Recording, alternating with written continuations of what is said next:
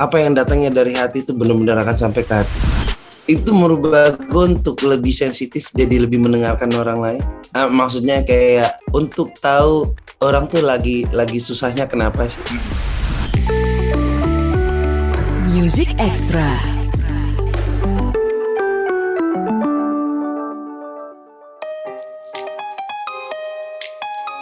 Halo good friends, Music Extra barengan gue Reno Aditya. Kali ini kita punya penyanyi bersuara keren banget. Mungkin lo udah pernah denger lagunya. Entah itu di digital music perform atau di sosial media. Kita punya Elma tuh. halo selamat Sehat ya, siang Selamat siang. Sehat ya? sehat sehat aku sehat gimana mas mas sehat mas Sehat, sehat, sehat. Alhamdulillah sehat. Dan uh, good friends, kalau misalnya lo uh, belum kenal dan Elma tuh, paling nggak mungkin pernah dengar satu lagunya yang sangat viral di sosial media. Uh, judulnya apa, saudara Elma tuh?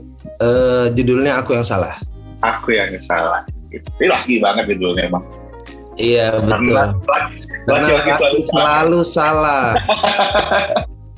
Eh, sebelum kita ngobrol lebih jauh, sebagai seorang penyanyi yang apa ya bahasanya, pernah punya lagu yang sangat terkenal. Bahkan di gue cek di Spotify lagu ini udah didengarkan lebih dari 27, 22 juta kali. Dan itu adalah angka yang sangat besar. Nah, Ya. sebagai seorang penyanyi yang punya lagu yang sangat terkenal, sempat terkenal banget, ketika lo mau bikin lagu lagi, mau berkarya lagi gitu. Ada ini gak sih kayak semacam, wah ntar lagu gue bakal semeledak yang kemarin gak ya gitu. Em, awalnya punya. Maksudnya waktu waktu setelah aku yang salah ternyata viral banget gitu di di single kedua tuh punya ekspektasi itu. Hmm. terus Iya dikecewakan sama ekspektasi sendiri gitu, maksudnya kayak jadi ngerasa down sendiri karena karena ter- eh, di single kedua streamingnya tidak sebanyak itu, Mhm. terus sempat sempat eh, sempat sempat sedih juga terus curhat ke nyokap waktu itu, Aha. terus nyokap bilang sebenarnya yang kamu cari itu jumlah jumlah jumlah pendengar atau ada lagumu punya karya. Aha. dari situ kayak punya karya. Kalau gitu berkarya aja. Lagumu banyak yang denger itu karena karena orang ngerti rasanya gitu. Karena relate sama orang lain dan eh lagu tuh akan menemukan pendengarnya sendiri. Udah yang penting berkarya aja pakai hati. Udah. Dari situ kayak oh ya udah. Yang penting berkarya. Yang Oke. penting benar-benar ngeluarin karya tuh dari hati serius eh, ngasih semua yang yang aku punya buat karya aku. Udah berhenti di situ. Jadi karena kan satu karya itu meledak atau enggak, kita bukan soal kalau diterima semua karya pasti akan ada ada pendengarnya. Seperti kata nyokap, semua karya itu pasti akan menemukan pendengarnya. Tapi kalau soal meledak atau enggak, good friend, kita pernah kita pasti punya satu lagu yang menurut kita bagus banget, tapi nggak banyak orang yang tahu. Ya mungkin, let's say segampang ini deh. Ya mungkin emang rezekinya tuh lagu, nggak jadi lagu yang meledak. Gitu. iya dan dan untungnya dan untungnya nyokap lo wise ya kalau enggak mungkin nggak nggak banyak karya lagi kayak dah. Aduh dari ntar aja deh gitu. Iya kayak kayak aduh enggak deh gak usah deh. Eh, gimana ya? Good friends kenapa gue nanya seperti itu? Karena eh, Elma tuh akhirnya memutuskan untuk tetap berkarya. Bahkan dia bikin karya-karya lain yang relate sama em, single aku yang salah ini. Jadi sebuah trilogi pada akhirnya. Jadi iya. akhirnya jadi sebuah trilogi itu hasil dari sebuah kayak oke ini lagu aku yang salah rasanya sayang banget kalau akan nantinya akan hilang gitu aja karena tertutup karya-karya baru. Atau emang ketika lo bikin karya selanjutnya masih ada hubungannya nih sama aku yang salah termasuk single terbaru kenang lah ini? Em, lebih ke jadi kayak waktu aku yang salah keluar Mhm. eh musik produserku waktu itu Beno Lololia Hmm. eh dia juga mikirin selanjutnya habis ini apa ya? Oke. kita ngapain ya? Eh kita lanjutin ceritanya yuk. Karena kan ini eh, cerita lagu aku yang salah kan banyak banyak versi. Maksudnya kayak waktu aku rilis lagunya itu begitu banyak orang yang curhat soal lagunya gitu. Ada yang sampai menikah ada yang sampai punya anak tapi itu tetap berbeda keyakinan. Maksudnya kan ending ceritanya banyak gitu akhirnya ngerilis lagu keduanya itu pengennya kayak oke ini lu cerita dari sisi lu Oke. gitu. Jadi begitu habis habis itu lalu kayak ide ini penutup ya. Mhm. Kita tutup ceritanya di sini ya. Mhm. Jadi orang begitu dengerin tiga trilogi ini orang mendengarkan sebuah cerita sebenarnya. Dan buat buat aku secara pribadi itu penting karena penyanyi itu harus bisa bercerita. Tidak cuma di atas panggung doang, tapi juga begitu orang dengerin karya-karya itu kayak ih bisa ke sini ya, bisa ke sini ya, bisa ke sini ya gitu. Oke. Ya ya ya. Makanya makanya ketika kalau, kalau pengen mendengarkan lagu apa seluruh ceritanya secara utuh Good Friends harus dengerin tiga single. Aku yang salah, kemudian bukan dia untukku, dan juga kenanglah yang ini ya. Yes. Nah, sekali. Jadi eh, yang namanya tadi lo bilang sebagai seorang seniman, sebagai seorang musisi, nggak cuma bisa bikin lagu yang bagus aja, tapi juga harus bisa bercerita. Sebenarnya karya-karya seorang Elma itu sendiri itu datang dari mana sih? Apakah hasil kayak uh, diskusi, hasil brainstorming, atau mungkin bagian dari perjalanan hidup lo sendiri? Em, yang pasti pasti kebanyakan bagian dari perjalanan sendiri ya. Tapi dalam proses menyelesaikan lagunya, kemudian melihat sisi lain gitu. Jadi kayak aku pasti akan nanya ke eh, teman-temanku yang ada di sekitarku kayak, kalau lo ada di posisi ini, lo akan ngomong soal apa sih? Oke. Kayak misalnya, eh, eh, misalnya lagunya tentang selingkuh gitu misalnya, diselingkuhin. Kan ini dari sisiku ya. Kan orang lain tiap orang punya sisi yang berbeda da- soal itu kan. Jadi kayak pasti Betul. akan nanya, lu kalau eh, ngomongin soal diselingkuhin tuh apa yang lu rasain sih? Kata yang muncul dalam kepala tuh apa gitu. Jadi nanya, nanya kita kumpulin kayak, oh iya, nanti ceritanya bisa ke sini, baru ke sini, nanti refnya gini. Gitu. jadi kayak eh, kalau kalau gini mungkin kantor lo pernah nge- ngejalanin ini eh, Delta Bana Vival juga pernah. Jadi kayak forum group discussion dulu ya. Iya. ini dulu ya.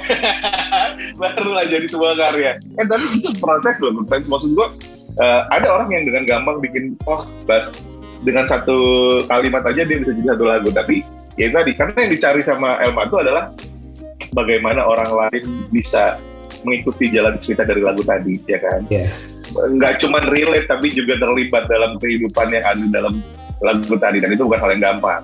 Iya, Sebenarnya, iya. Eh, udah dimulai dari aku yang salah dan itu starting yang bagus banget karena setiap orang kadang-kadang kan gini kita mulai awal karir itu nggak semuanya dimulai dengan hal yang menyenangkan dulu. Kalau buat gua gitu ya nggak tahu sih sebenarnya sebenarnya apa yang terjadi tapi buat gua kalau kita ngeliat secara kasat mata Elma tuh mulai karirnya di industri musik dengan cara yang menyenangkan. Lagunya langsung meledak ya kan? Lagunya langsung meledak langsung. Tapi itu juga tadi jadi jadi eh, bumerang. Karena ketika bikin karya lagi kok gak sebeledak kayak kemarin sempat ada perasaan putus asa good nah sekarang gini. Ketika trilogi ini udah selesai ya kan? Tiga lagu eh, trilogi ini sudah dirilis semua dari aku yang salah sampai kenanglah yang saat ini. Apa sih kesimpulan yang lo dapat dari dari berkarya di di ketiga lagu ini? Nah, kalau bikin lagu tuh emang eh, kalau gue percaya banget jadinya kalau apa yang datangnya dari hati itu benar-benar akan sampai ke hati. Oke. Apa yang Kayak datang dari hati akan sampai ke hati. akan sampai ke hati. Eh, yang penting punya karya jujur aja gitu. Mhm. Karena gue menemukan pendengar-pendengar baru di single-single yang baru. Jadi Oke. kayak yang dengerin aku yang salah kan kemudian dengerin bukan dia untukku. Tapi ada Aha. juga yang dengerinnya bukan dia untukku, lalu kemudian jadi suka aku yang salah. Atau kemudian Oh. dengarnya kenang lah gitu. Ya, Jadi ya, kayak- ya, ya. Oh, gue akan menemukan itu gitu. Orang-orang baru yang mendengarkan kayak ini lagu gue nih, Mhm. yang bisa curhat di DM terus kak, kak lagunya aku lagi ngalamin banget nih kak. Terima kasih buat lagunya dan aku seneng banget gitu baca kayak, ah, karya aku diapresiasi luar biasa. Jadi lagi kayak iya gitu jadi kayak jadi semangat untuk punya karya lagi jadi pengen kayak yuk lagi yuk yuk bikin lagi yuk bikin lagi gitu Jadi misi tersampaikan ya. misi tersampaikan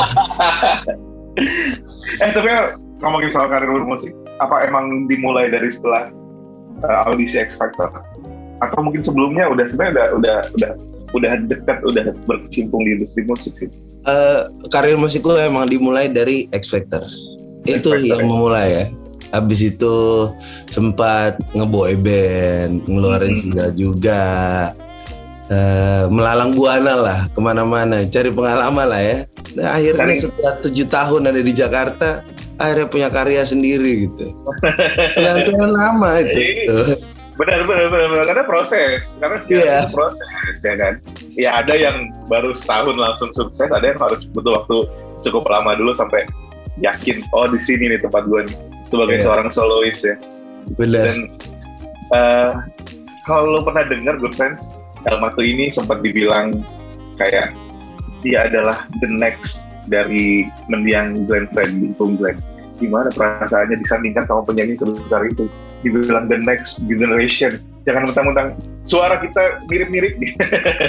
karena, karena itu tadi jujur aja, ketika nggak tahu ini ini ini mungkin orang lain juga merasa sama-sama tapi buat gue ketika eh, penyanyi dari timur wah itu kayak sudah 65% tuh udah pasti bagus lagunya kalau belum didengar walaupun belum didengar ya dari gaya bernyanyi pasti suara udah Kita pasti kayak gitu gitu. Ya kan nah itu gimana tuh rasanya disandingkan dengan penyanyi sebesar itu the next jadi beban gak sih Maksudnya orang-orang udah ngomong itu dari zaman aku masih di X Factor ya. ah, ah, ah. Dulu aku seneng banget digituin. Hmm. Kayak karena aku juga masih mencari jati diri kayak bisa bisa dibilang the next untuk orang yang buat aku legend gitu. Almarhum buat aku udah legend banget kan. Iya. Terus begitu akhirnya punya perjalanan waktu terus mencoba setelah melalang buana kiri kanan dan akhirnya punya karya kemudian ngerasa kayak dia emang udah nggak bisa digantiin. Beliau tuh udah nggak bisa digantiin udah. Jadi Hmm. yang bisa gua lakuin adalah menjadi dua only Almatu. Oke. Jadi harus mencari ciri khas yang orang begitu dengerin lagu laguku tidak akan ingat Bung Glenn, akan ngerasa ada influence-nya tapi akan ingat El Oke gitu. karena ins- inspirasi mungkin benar terinspirasi Iya. dari dia tapi kalau misalnya karakter ciri khas tetap dari Elma tuh ya Iya, betul. Orang akan oh iya, El Matu gini. tapi yang tadi kan lo bilang sendiri tujuh tahun Tujuh berada di industri musik ups and down dari ya dari ada di titik yang menyenangkan sampai di titik yang sedih dari semua pengalaman itu apa sih yang bikin Elma tuh akhirnya bertahan di industri musik?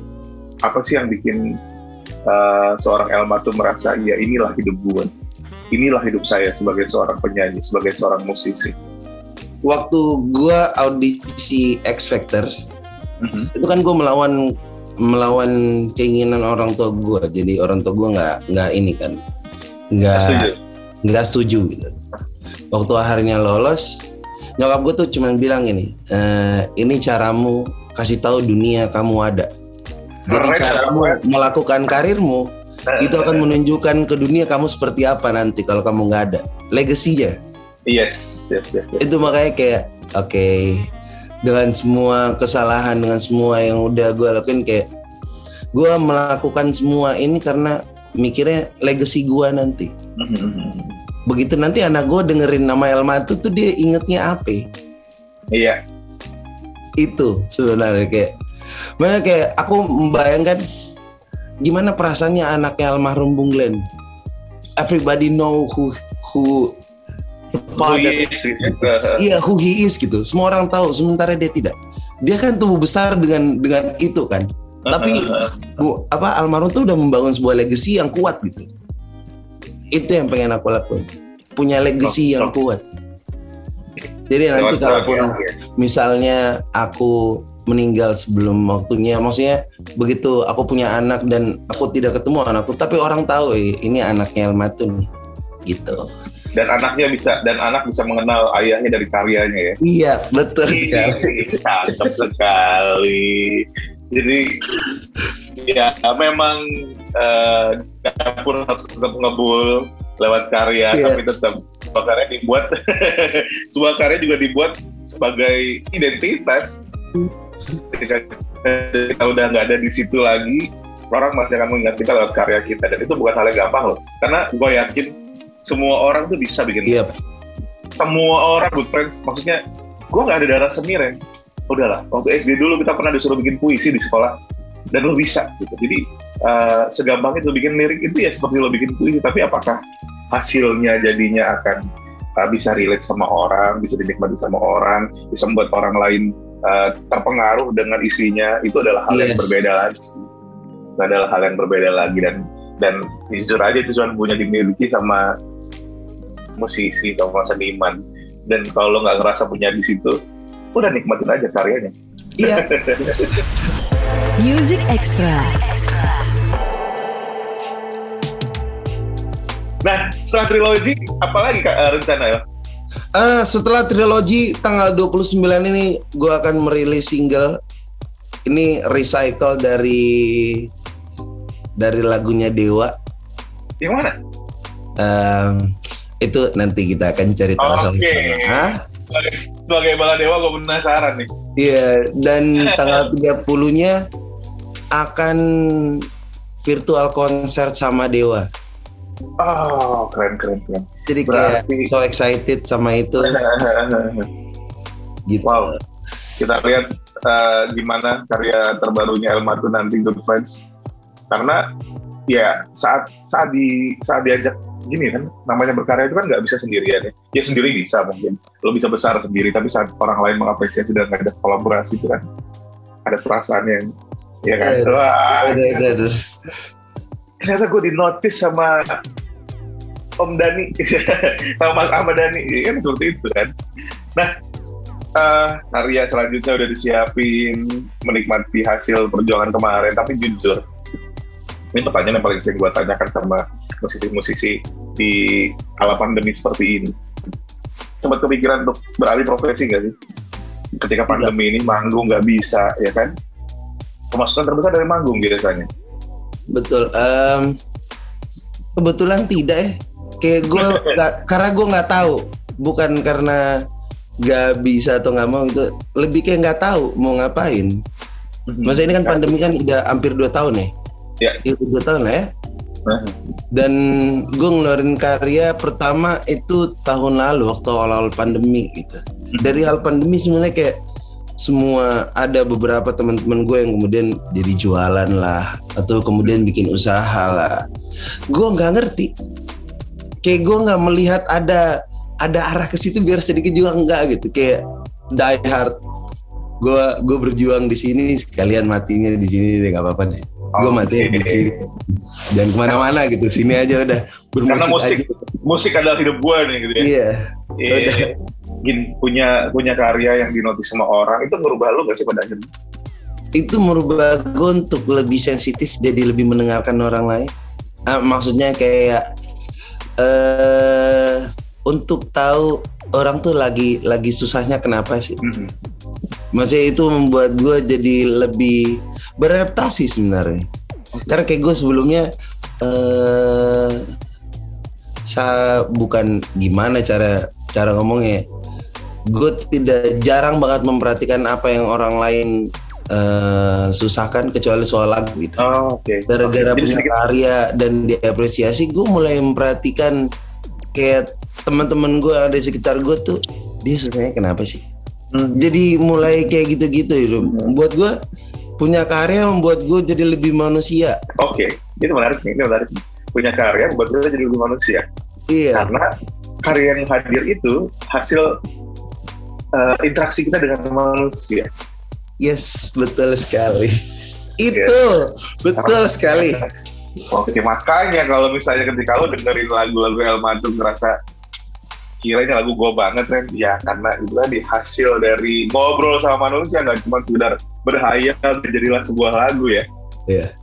Oh, keren keren keren keren keren ya guys Uh, selamat datang lagi di industri Yes. musik karya-karya ter- lainnya kita tunggu Mas Elma tuh thank you thank you Uh, trilogi ini trilogi ini adalah Let's bukan bukan kayak titik di mana Elma tuh berada di puncak, tapi ini adalah titik awal bahkan. Betul. Titik awal Elma tuh berkarya lagi. Masih banyak karya-karya yang akan kita tunggu nah. Iya. Dan tungguin kalau sama uh, Dewa Yes. 19 lagu apa gue penasaran gue sangat penasaran sangat penasaran beneran beneran mudah-mudahan ini akan uh, ngebuat lo berada di level selanjutnya dan semakin bersemangat ya Amin. yang jelas salam buat nyokap keren Yes. banget isi kepalanya beneran beneran karena itu tadi orang yang paling ngerti kita adalah nyokap Iya. Gila aja. walaupun kadang-kadang walaupun kadang-kadang kita kesel namanya ibu-ibu ya tapi Iya. itu tadi lo beruntung punya nyokap yang sportif seperti itu Temen curhat gue nomor satu. nomor satu ya. Dan jangan lupa, Good Friends, nikmatin karya Elmatu yang terbaru, bisa didengerin di berbagai digital music platform, kenanglah. Kalau lo ngerasa relate, coba dengerin secara utuh triloginya. Tiga lagu. Aku yang salah, bukan dia untukku, dan yang terbaru, tenanglah. Dengan gitu, mungkin lo akan menemukan apa yang apa yang menjadi bagian dari hidup lo di lagu ini. Ngobrol langsung sama Elmatu, uh, Instagramnya kalau nggak salah Elmatulesi. Yes, betul sekali. L Matulesi dengan dua L. Jadi ngobrol kayak satu L, dua, S maksudnya L Matulesi cerita pengalaman hidup lo sempat jadi lagu sama El. Ah, terima kasih banyak sudah Terima kasih banyak sudah diajakin ngobrol. Obrolannya seru banget. Sukses, kita tunggu karya-karya selanjutnya. El. Siap. Dan ini dia Good Friends, teman baru kita di Music Extra, El Matulesi. Music Extra.